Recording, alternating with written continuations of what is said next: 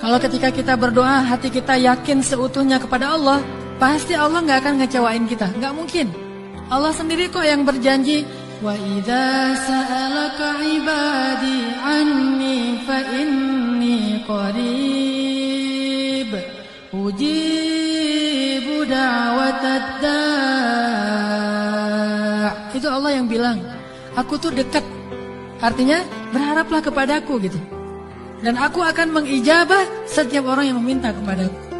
Jadi Allah sendiri yang berjanji akan menunjukkan keajaiban mengabulkan permintaan-permintaan yang baik dari hambanya sehingga tidak perlu kita ragu Allah nggak mungkin ngecewain kita.